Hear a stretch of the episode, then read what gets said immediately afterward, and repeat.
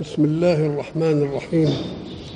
الحمد لله رب العالمين والصلاة والسلام على أشرف المرسلين وخاتم النبيين ورحمة الله للعالمين سيدنا محمد وعلى آله وصحبه أجمعين. وبعد فقد وقفنا في اللقاء السابق عند قول الله سبحانه أعوذ بالله من الشيطان الرجيم. فانظر إلى آثار رحمة الله كيف يحيي الأرض بعد موتها. إن ذلك لمحيي الموتى وهو على كل شيء قدير. دليل جديد من أدلة قدرة الحق ووحدانيته وهو دليل كوني نراه جميعا.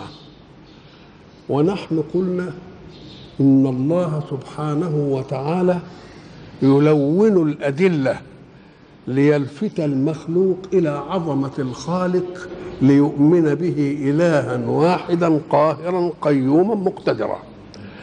هذه الأدلة حجة تجنع العقل وآيات في الكون تبرهن على الصدق وأمثال يضربها للناس في الكون وفي أنفسهم ووعد لمن آمن ووعيد لمن خالف ويلون الأدلة ثم يأمر رسوله صلى الله عليه وسلم أن يظل في مهمته ولا يلتفت ولا يأبه بمن ينكرون هذه الأدلة ولا ينصاعون للإيمان بالله فمرة بعد ما عرض الآلية قال فأقم وجهك. هنا دليل كوني آخر مشهود في الكون. وترى الأرض هامدة فإذا أنزلنا عليها الماء اهتزت وربت. وآية لهم الأرض الميتة أحييناها.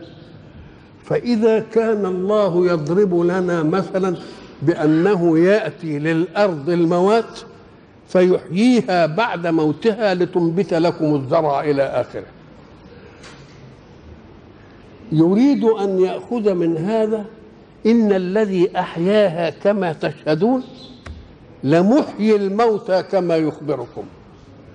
فأخذ من الدليل الموجود المحت الآن دليلا على قضية هم يختلفون فيها.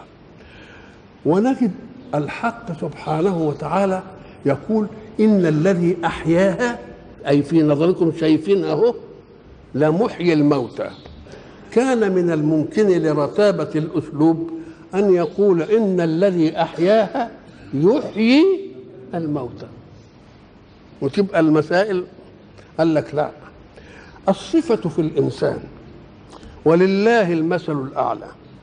توجد قبل أن يوجد الحدث منه ولا يوجد الحدث منه فتوجد الصفة. الذي سمعته يقول شعر. لما سمعت أنا يقول شعر قلت إنه شاعر. فربما ظن ظان أن الحدث الذي فعلته أنا وهو قولي للشعر خلاني شاعر.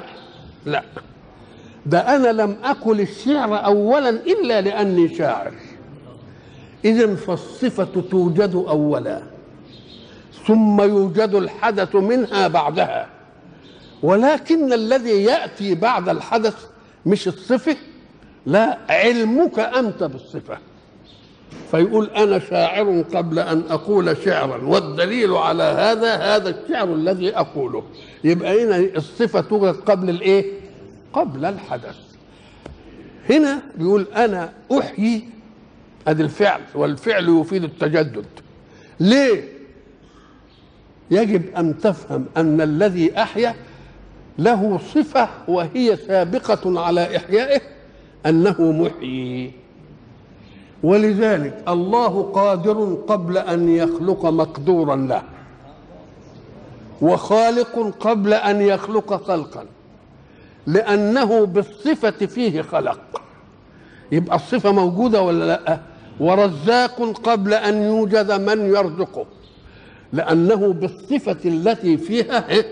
رزق. يبقى لازم الصفة توجد أولا وبعد ذلك يأتي مين؟ يأتي الحدث. لكنك في الاستدلال على وجود الصفة فيه تستدل أنت بالحدث. يبقى الله خالق قبل أن يخلق. ولما خلق بالفعل استدلت على انه له صفة الخلق بإيه؟ بإحداث فكذلك إن الذي أحياها قدامك اهي إيه؟ لازم تثبت له صفة محيي وما دام محيي خليه يحيي أي شيء بقى يحيي الموتى لأن الأرض كانت ميتة فإيه؟ فأحياها لو نظرنا إلى الإنسان لوجدنا الهيكل الضخم ده اللي قد يزن 100 كيلو أصل تكوينه إيه؟ ميكروب لا يرى بالعين المجردة. حتى قالوا فيه إن انسال العالم كله توجد من حيوانات في كستبان الخياطة. كستبان الخياطة ده إذا ملئ مني نطفه من المني يبقى فيه انسال العالم كلها. شوف بقى يبقى قد إيه لا, لا يدرك بالعين المجردة. وبعدين ياخد من الرزق اللي في الكون يكبر يكبر. اذا الكبر ما بيديش شخصية. الشخصية مثموره في إيه؟ في الذرة البسيطة ده ولذلك ده اللي دعهم قال لك كل الجسد يبلى إلا عجب الذنب. حتة كده زي الذرة. هي دي ما تبلاش. ما يمكن دي تكون البذرة اللي ربنا لما يحب يطلعنا يروح إيه؟ ولذلك قال ينبتون كما ينبت البقر تبقى قد إيه؟ شوف قد إيه؟ حبيت السمسم شوف قد إيه؟ وبعدين في حباية ثانية أكبر منها شوية حبايه الايه الحمص؟ ولا حبايه العدس؟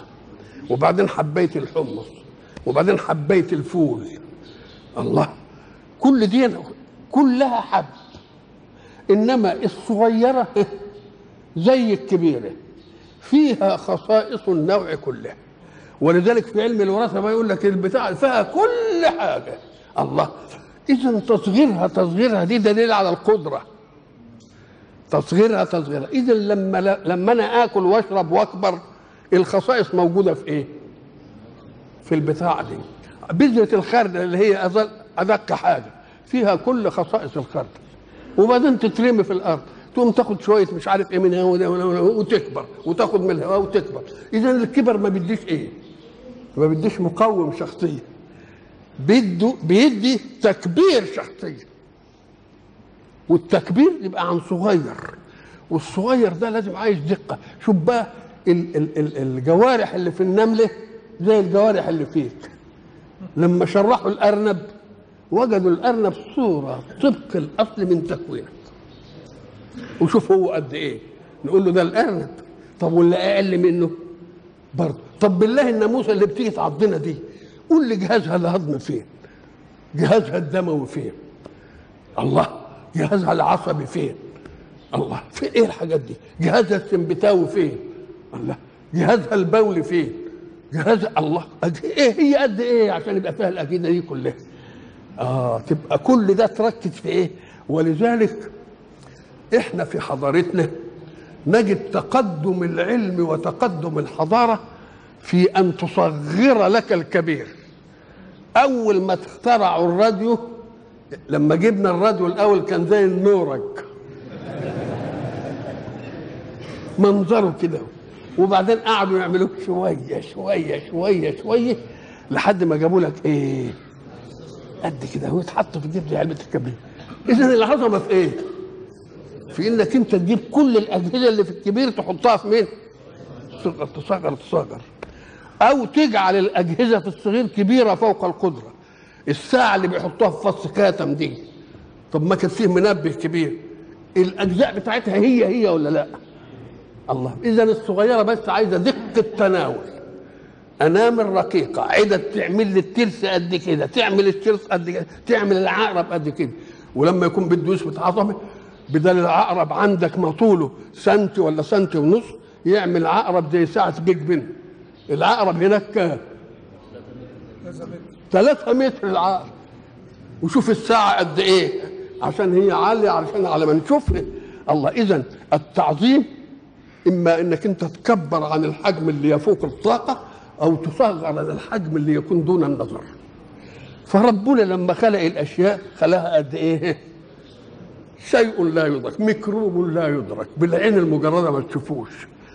الله وبعدين فيه إيه؟ كل الخصائص.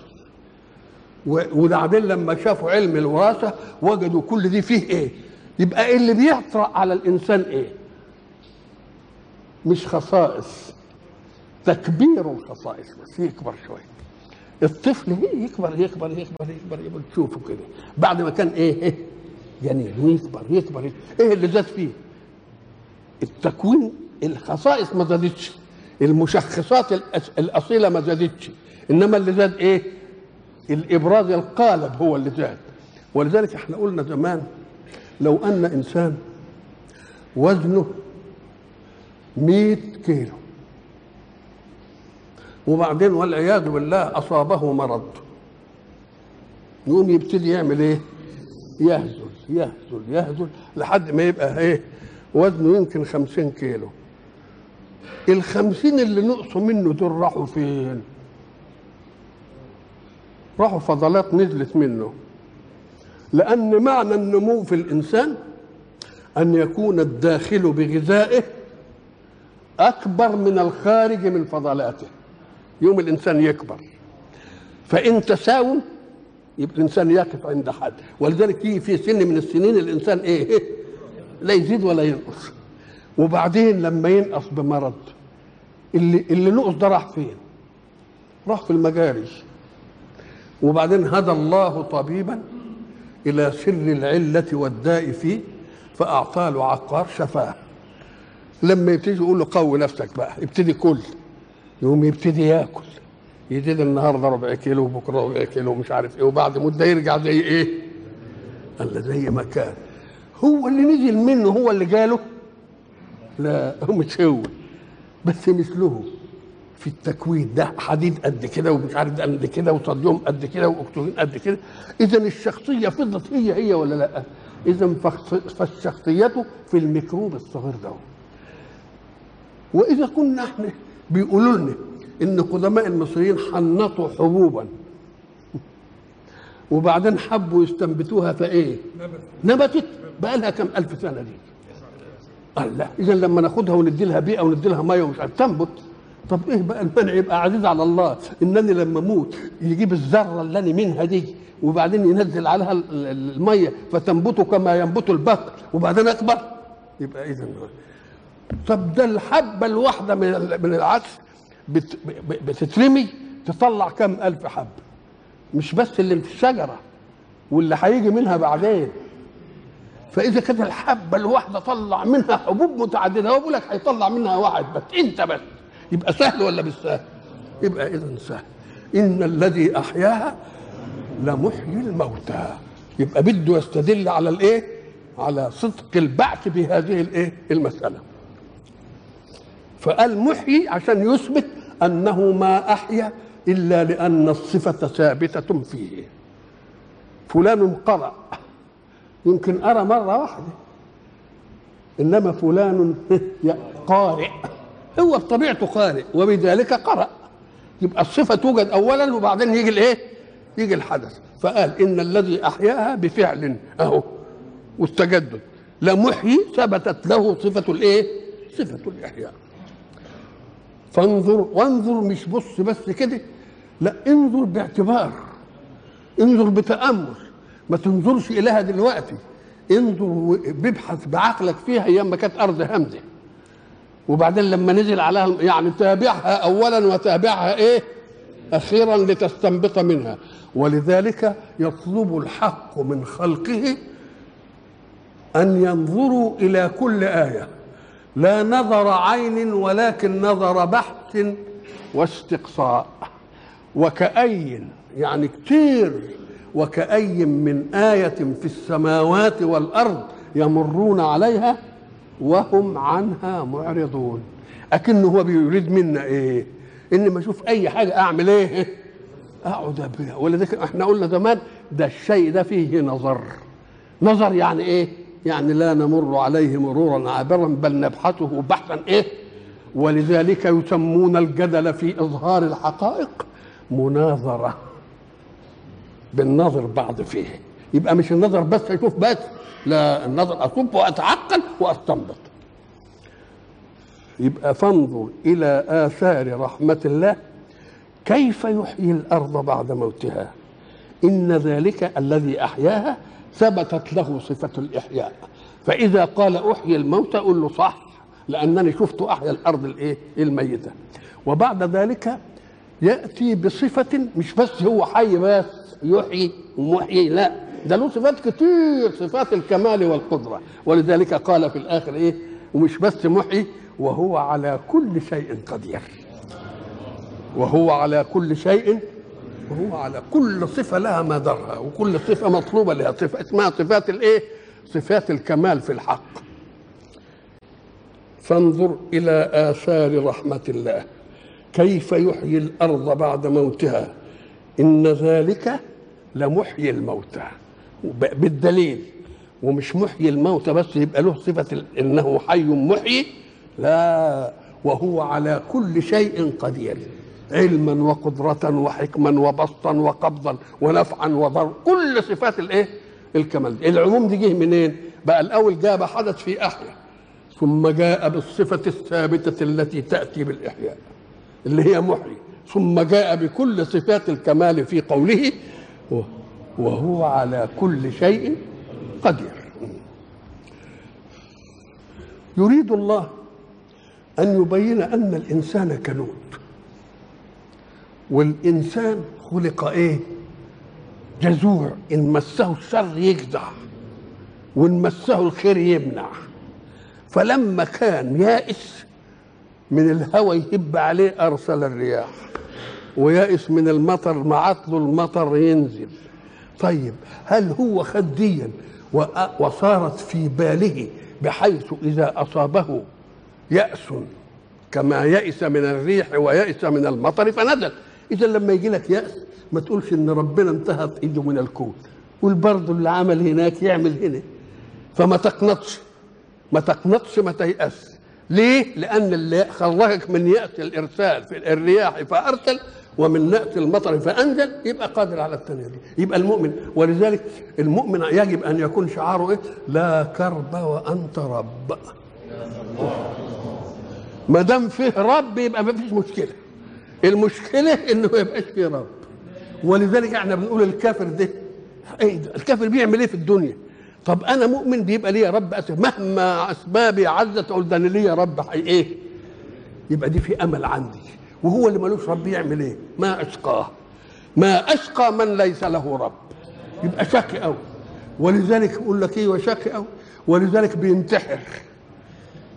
لأن اسبابه ضاقت به بينتحر. إنما المؤمن يقول لا ده أنا ليا رب ساعة ما يحجبه أمر فوق أسبابه النبي علمنا قال إذا حجبك أمر فوق أسبابك اعمل إيه؟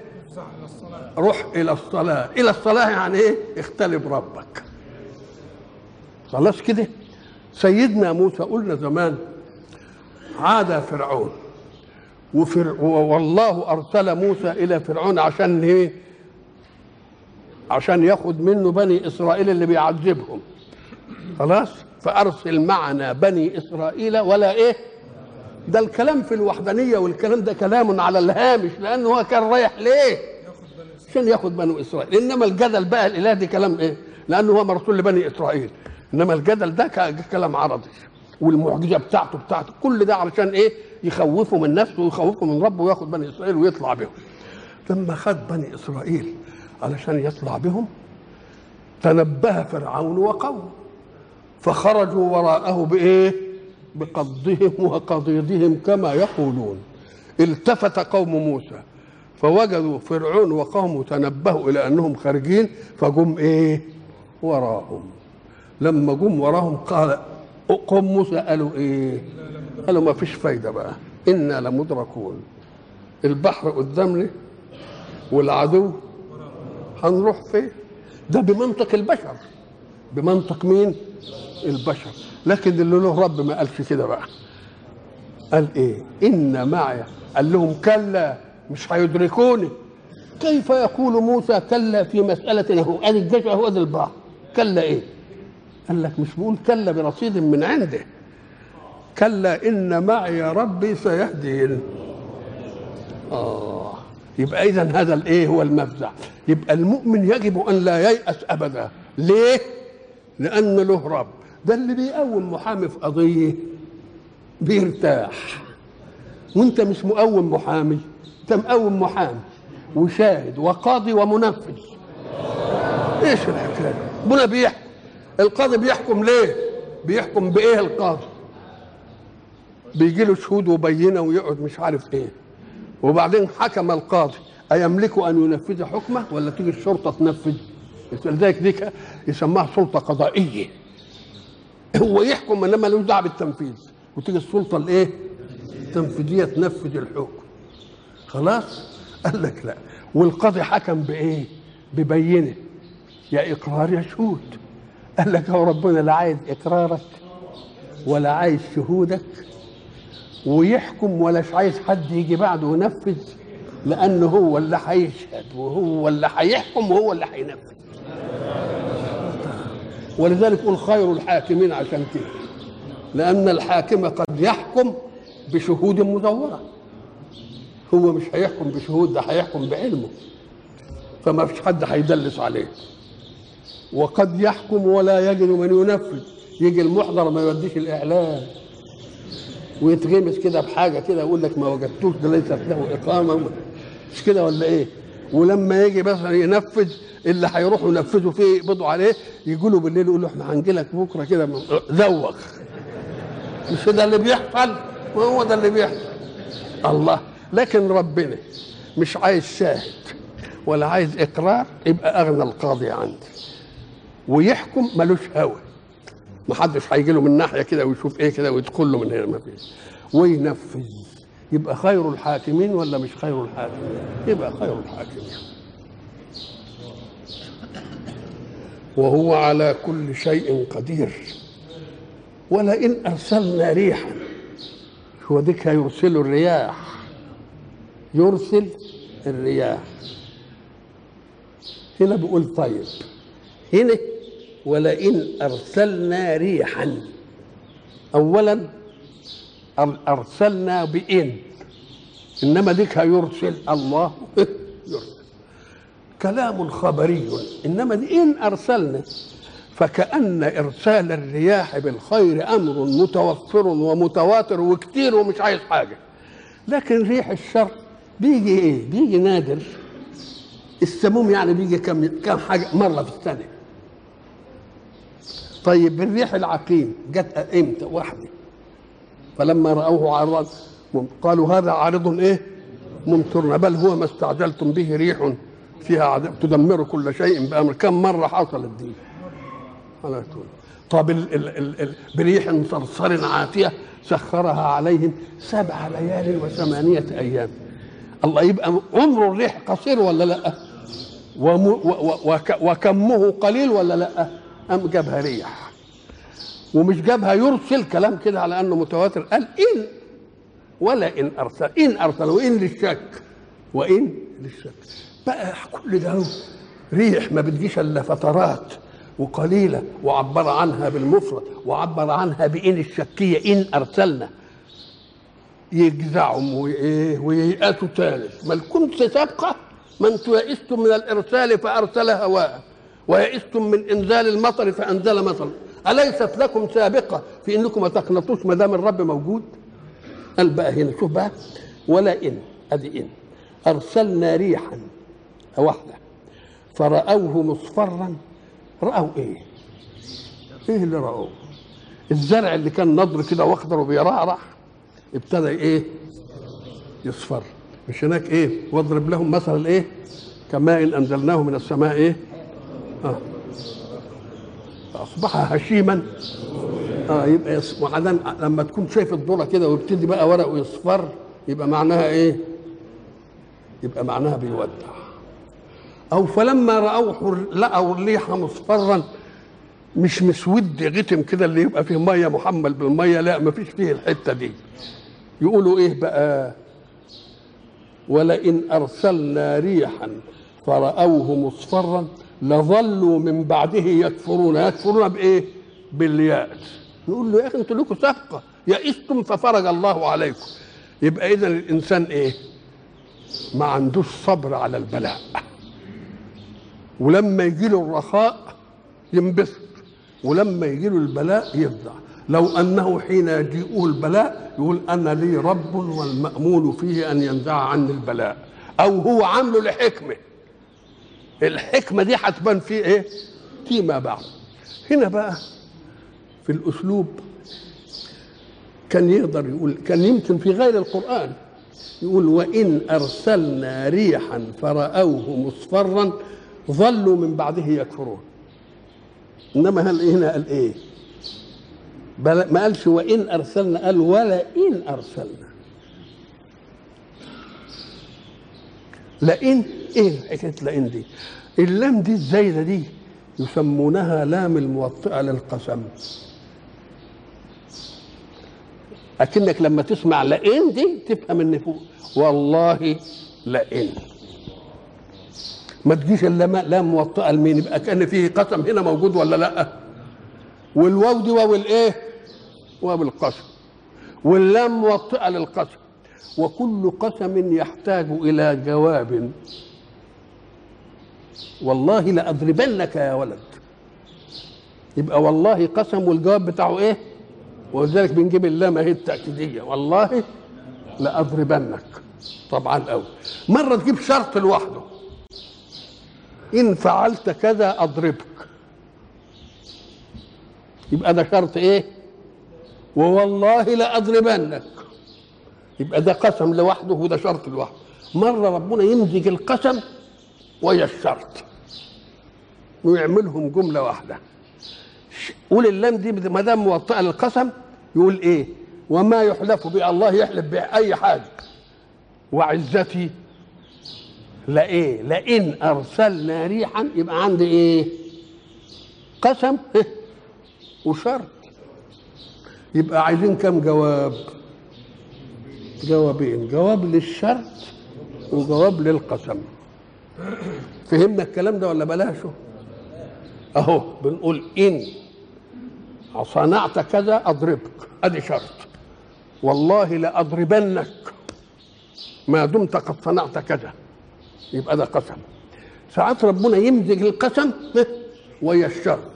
نقول له ده عايز جواب وده عايز جواب. قال لك لكن فطنة العربي تأبى أن يوجد جوابان. يقوم يجيب جواب واحد يستغنى بيه عن الثاني طب يجيب جواب هو قال لك جواب اللي تقدم. فإن تقدم القسم جاء بجواب القسم. والله لئن فعلت كذا لا لأضربنك. لأضربنك دي جواب إيه؟ جواب القسم. لأن القسم تقدم. طب فإذا قال إن فعلت كذا والله أضربك. الشرط تقدم يجيب جواب إيه؟ لأنني ما قدمتش ده إلا لأنه المهم. وما دام مهم هات جوابه. ويغني عن إيه؟ عن الجواب الإيه؟ الثاني. فإن اجتمع شرط وقسم إن انفرد شرط فهات جوابه. إن انفرد قسم فهات جوابا إن اجتمع الشرط والقسم هات الجواب للمتقدم منهما ويغني عن ذكر الإيه؟ الآخر. هنا بقى قدم القسم ولئن يعني والله. لئن أرسلنا ريحا مصفرا لظلوا. يبقى ده جواب مين؟ يبقى جواب القسم. يبقى إذا اجتمع شرط وقسم فكل منهما يحتاج إلى إيه؟ جواب. ما نجيبش الجوابين ويا بعض بل نجيب جواب الإيه؟ المتقدم ويكفي عن جواب الإيه؟ المتأخر. ولئن أرسلنا ريحا فرأوه مصفرا لظلوا من بعده يكفرون. كلمة ظلوا مأخوذة من الظل. الزمن لما نقول بات فلان يعمل يبقى في البيتوتة. أضحى يبقى في الضحى. أمسى يبقى في الإيه؟ في المثل طب وظل؟ في ظل كذا أي استمر في الوقت الذي فيه ظل. يعني طول الإيه؟ النهار. يبقى استمر في الوقت الذي فيه إيه؟ الوقت اللي فيه ظل زي أضحى استمر في الوقت الذي هو إيه؟ ضحى. بات استمر في الوقت الذي فيه إيه؟ بيات يبقى ياخد الزمن من المشتق بتاعه.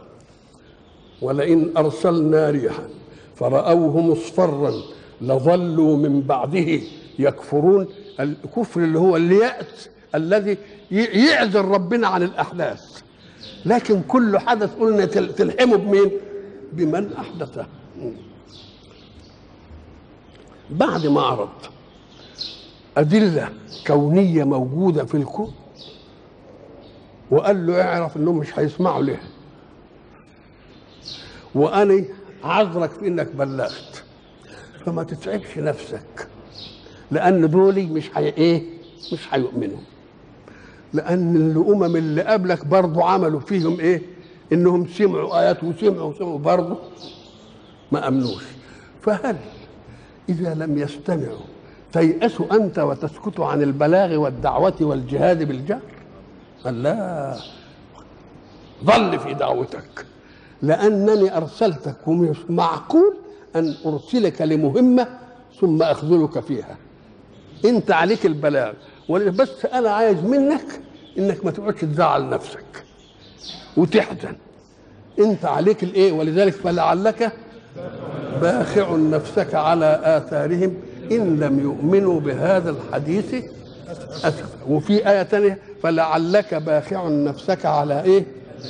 الا الا يكون. مؤمنين. قال أنا لو عايز الإيمان أنزل عليهم آية فتظل أعناقهم لها خاضعين. إنما أنا عايز يقولي كده من غير القهر لأنني لا أريد قوالب تخضع وإنما قلوب تخشع. وإلا فالقالب أنا واحد أي واحد بشر يقدر يعمل القالب يقول له تعالى يا ابني يكفر يكفر قدام. ويكفر طب أي بشر يستطيع أن يكره إنما ما فيش أي بشر يستطيع أن يقول لك حبني. إنما أي بشر بجبروته يقدر يقول لك اسجد لي. اسكت يبقى أخضع إيه؟ القلب ولا القالب؟ والله يريد قلوبا لا قوالب. قال بقى اطمن لا فإنك لا تسمع الموتى. لا تسمع الموتى. هم ميتين. طب أنت لا تسمع الموتى كأنك عملتهم ميتين. يقول لك إيه؟ اللي ما ينفعلش لما يسمع. يبقى كأنه هو والميت سواء. أو هم موتى الموت الثاني. اللي هو إيه في موت أول وموت ثاني. قال لك آه لأن الروح اللي ربنا بينفخها في القالب ده علشان يحيا ويتحرك ويحس في المؤمن زي الكافر. ولا ده له روح وده له روح واحد. فربنا قال للأحياء اللي هم دول استجيبوا لله وللرسول إذا دعاكم لما يحييكم. كيف تقول إذا دعاكم لما يحييكم وهو يخاطب أحياء؟ قال لك دول أحياء القالب اللي يستوي فيه الكافر والمؤمن. لكن ده في حياة تانية. حياة عمرها ما ينقضيش في الدنيا. ده حياة هيستمر للآخرة. وإن الدار الآخرة لهي الحيوان لو كانوا إنما حياة تنتهي. ما نعرفش ده هيبقى عمره ساعة وده عمره يوم وده عمره شهر وده عمره سنة وده عمره سنتين وتنتهي المسألة. إحنا عايزين الحياة دي الحياة الخالده اللي النعيم فيها يدوم لك لا تخاف إن النعيم يذهب منك ولا أنت تسيب النعيم وتموت. ادي الحياة. فكأن هناك للإنسان حياتان. حياة يشترك فيها المؤمن والكافر والطائع والعاصي وهي حياة القالب بالحس والحركة.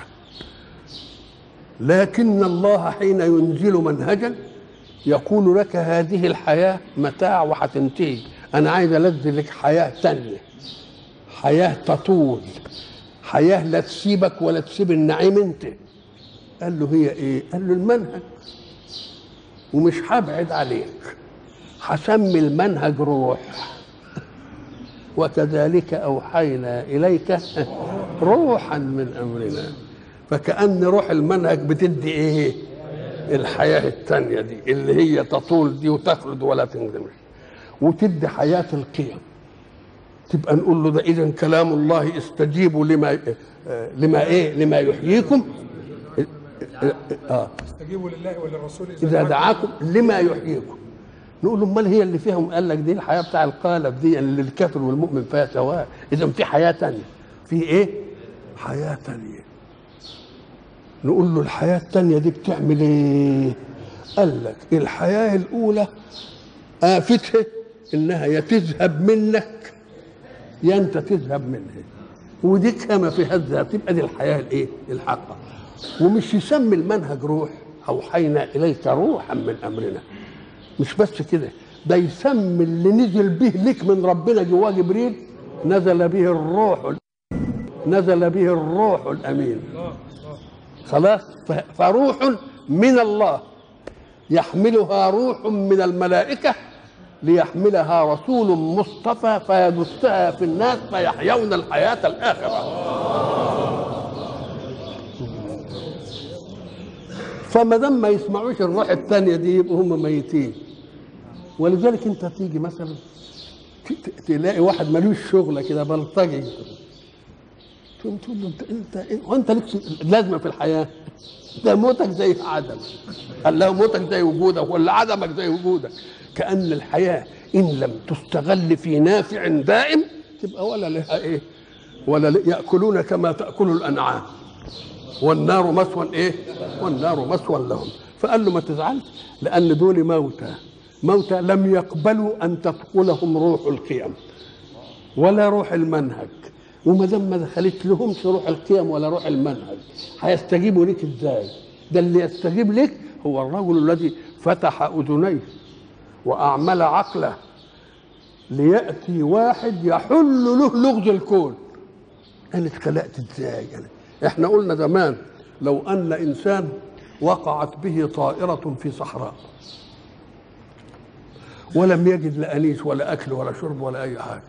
فغلبه اليأس فنام. ثم استيقظ. فوجد مائدة عليها أطايب الطعام. وفيها الشراب البارد والفواكه والبتاع. بالله قبل ما ياكل. ما يقولش يا ترى من اللي جاب ده طب إنت طرأت على كون فيه كل هذا الخير. بالله ما تبحث تقول من اللي خلقه. طب ما حدش من قال أنا اللي خلقته. يبقى اذا في لغز عندك عايز ينحل. إزاي دي اتعملت؟ مين اللي عملها؟ ما حدش ادعى إنه عملها. ده الناس بتدعي ما ليس لها. يبقى حد عملها كده وساكت يعني واد الله. فإذا جاء له رسول ليحل له اللغز. ينبسط منه ولا ما ينبسطش؟ وكان يجب إن هو يدي له ود. يقول له أيوه يا أخي قول لي على الحكاية دي إيه؟ أهو لما جه الرسول يقول لهم ما ردوش. فأبوا أن تدخلهم الروح الثانية. وما دام أبوا أن تدخلهم الروح الثانية يبقوا إيه؟ ميتين من هذه الايه من هذه الناحية. الله. الحق سبحانه وتعالى يعرض لنا هذه المسألة يقول إيه؟ ومنهم من يستمع إليك. حتى إذا خرجوا من عندك قالوا للذين أوتوا العلم ماذا قال انفا وقال إيه يعني؟ الله تبقى الروح ما لبستهمش. الروح ما لبستهمش. قل رد عليهم هو للذين آمنوا هدى وشفاء والذين لا يؤمنون في آذانهم وقر وهو عليهم عمى. الله يبقى الفاعل واحد هو القرآن واحد. واحد سمعه وكانت أذنه مرهفة عشان يحل اللغز في الكون ده إيه؟ فاستجاب للروح الجديدة اللي ربنا بعثها له. وواحد ما استجابش. ليه؟ طب علتها إيه؟ قال لك لأن اللي ما استجابش ده فاهم إن المنهج الجديد ده هيعمل إيه؟ هيأيد حريته. وهو مفسد. وعايش على إيه؟ على طغيانه على الناس. والمنهج ده هيجي يكلبشه. يبقى مش ممكن يسمع. ما يسمعوش لا يرفضوا. ولذلك تجد اللي بيرفضوا عادا دعوة الرسل السادة والكبراء. إنا أطعنا إيه؟ سادتنا وكبراءنا. ما هي السيادة بقى هي اللي عاملة لهم دي وعايزين يفضل الفتاة زي ما. لما يجي واحد ياخد السيادة منهم يزعلوا ولذلك إحنا قلنا زمان لا تتعجب من إن القرآن واحد يقوله وهو واحد بيقول وواحد يسمع. يسمع يقوم استلذ منه كده بتقول له قاعد وواحد تاني ينصرف عنه. لكن اللي بينصرف عنه نوعين. واحد بينصرف تكبرا هو وعاه ولكنه تكبر ولا هو مش فاهم؟ طب مش فاهم ليه؟ مختوم على قلبه. الله. يبقى إذا المسألة دي تيجي إزاي؟ أم قال لك أنت بقى مهمة الداعي ان هو يقول الأمر. وبعد ذلك اللي يستجيب له ياخده واللي ما يستجيبش ما ييأس منه. لعله بتكرار الدعاء له يصادف فترة من فترات فطرته وخلو نفسه. يقوم ي- إيه ينصح وإلا ما بنشوفش ناس كده في الجاهلية يسلم بعد مدة وده يسلم وده يسلم وده يسلم. طب خالد بن الوليد؟ إيه؟ طب عمرو بن العاص؟ طب عكرمة بن أبي جهل؟ ليه عمر بن الخطاب في نفسه. الله قال لك عمر بن الخطاب هو مثله قدامنا كان عمال يعادي في. الاسلام والمسلمين. وبلغوا ان جوز أخته خد أخته وأسلموا الاثنين. فلما بلغته الحكاية دي كان رايح على بيتهم. فلما راح على بيتهم قال له كده قال له إيه وأسلمت؟ اسلمنا فراح إيه ضربها. فلما ضربها شجها فسال منها الدم. وهي أخته. فلما سال الدم رق قلبه لها. انها أخته. وشاف الدم. أهي رقه قلبه ليه؟ نفضت عصبيته الكاذبة للجاهلية. فلما تنفضت العصبية الجاهلية الكاذبه قال لها طب قولوا لي أنتوا بتقروا إيه؟ أرى. فأسلم. يبقى اذا أمر الله لرسوله. إنه برضه يجهر بالدعوة ويصدع بما يؤمر وتعرف. لعل. ها. السامع تصادفه فترة تنبه لفطرته. زي ما حصل لعمر.